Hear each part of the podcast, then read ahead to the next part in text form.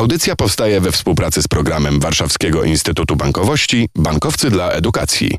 Trzy grosze o ekonomii. Piotr Typuliński, dzień dobry. Z nami jest dziś Aleksandra Olbryś, analityczka do spraw rynku metali szlachetnych Tawex. Dzień dobry, cześć. Dzień dobry, cześć. Rozmawiać będziemy o tym, co za nami, o tym, co przed nami i wszystko w kontekście pieniędzy. 2022 był rokiem trudnym. Wydaje mi się, że z gospodarczego punktu widzenia również spróbujmy na start opowiedzieć, co się stało w 2022 roku osobie, która zupełnie przespała ten czas, a chcielibyśmy ją zupdate'ować z ekonomii.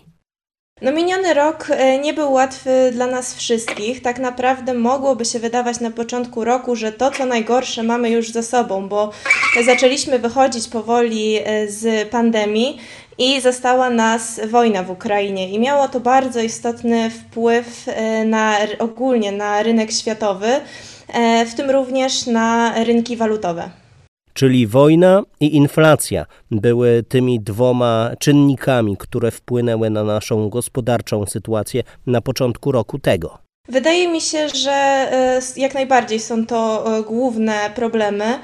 E, I tak naprawdę to ta przede wszystkim właśnie wojna w Ukrainie, która wybuchła pod koniec lutego, była takim głównym zapalnikiem e, dla, e, dla tych problemów, z którymi mierzymy się obecnie. E, wydaje mi się, że w przypadku Polski to bliskość konfliktu okazała się tutaj kluczowa, dlatego że wpłynęła na wzrost awersji do ryzyka w, w regionie i spowodowała istotny odpływ kapitału z rynków wschodzących.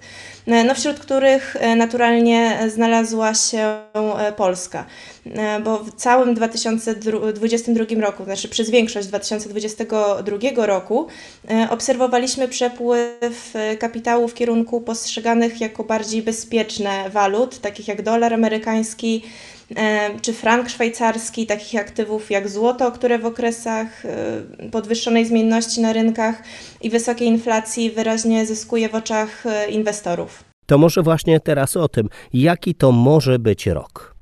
Wydaje mi się, że e, tutaj warto by było wyjść od tego, że ogólnie e, wśród banków centralnych, tych większych, po pokroju rezerwy federalnej, obserwujemy e, tak naprawdę już końcówkę zakończenia tego cyklu podwyżek stóp procentowych. I Narodowy Bank Polski, Rada Polityki Pieniężnej, podążając za takimi bankami, zważywszy na to, że ta inflacja powoli wytraca impet, e, no to możemy spodziewać się, że tak naprawdę ten cykl podwyżek stóp procentowych w Polsce e, już raczej dobiegł końca, szczególnie biorąc pod uwagę, że zbliżają się wybory parlamentarne, w związku z czym e, raczej mało prawdopodobne jest, żeby tego typu decyzje zapadały, mając w perspektywie takie wydarzenia. Czyli co, za chwilę będą nam politycy obiecywali gruszki na wierzbie w kontekście inflacji? To jest bardzo ciężki temat. Wolałabym tutaj nie wchodzić w jakieś e, takie dywagacje e, polityczne, ze względu na to, że obecne czasy są naprawdę bardzo trudne. E, bardzo ciężko jest e, przewidzieć, co się będzie działo, i w związku z tym ciężko jest też dokonywać decyzji. Nie no, jasna sprawa, choć e, pewnie inflacja będzie ważnym tematem kampanii wyborczej i ważnym tematem rozmów przy stołach, tak jak podczas świąt w niektórych domach o tym się mówiło.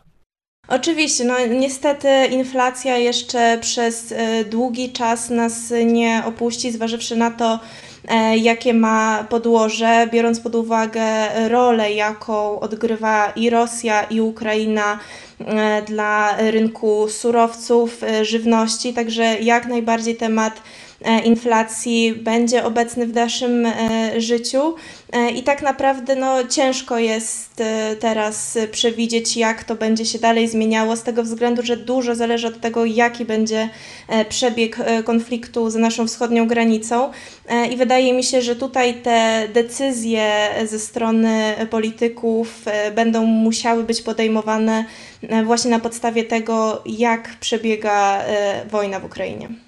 Warto w tym czasie trochę wiedzieć więcej o ekonomii. Nawet jeśli próbujemy oszczędzać, to fajnie jest dowiedzieć się więcej o tym, co wartość się traci, o tym, co na wartości zyskuje.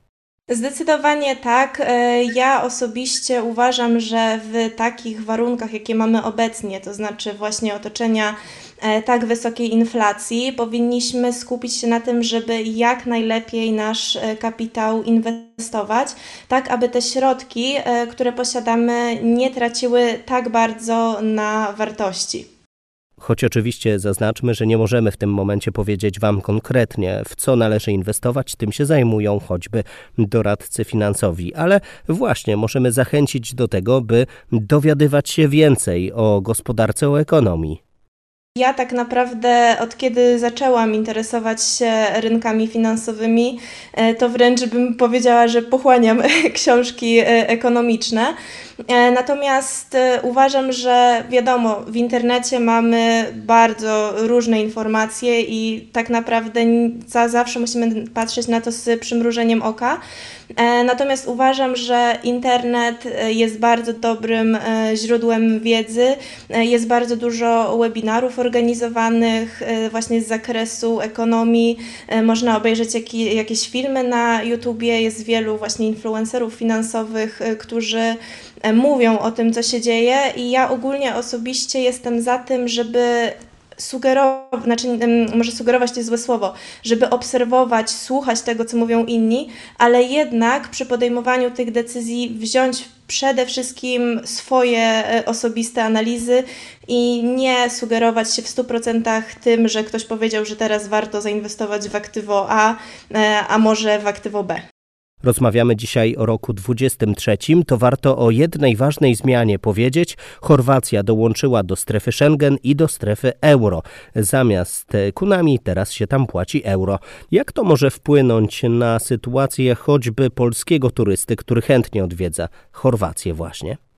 Wprowadzenie euro w Chorwacji ogólnie rodzi obawy, że dojdzie do wzrostu cen i usług, e, co oczywiście e, odbiłoby się na portfelach Polaków odwiedzających ten kraj w celach turystycznych.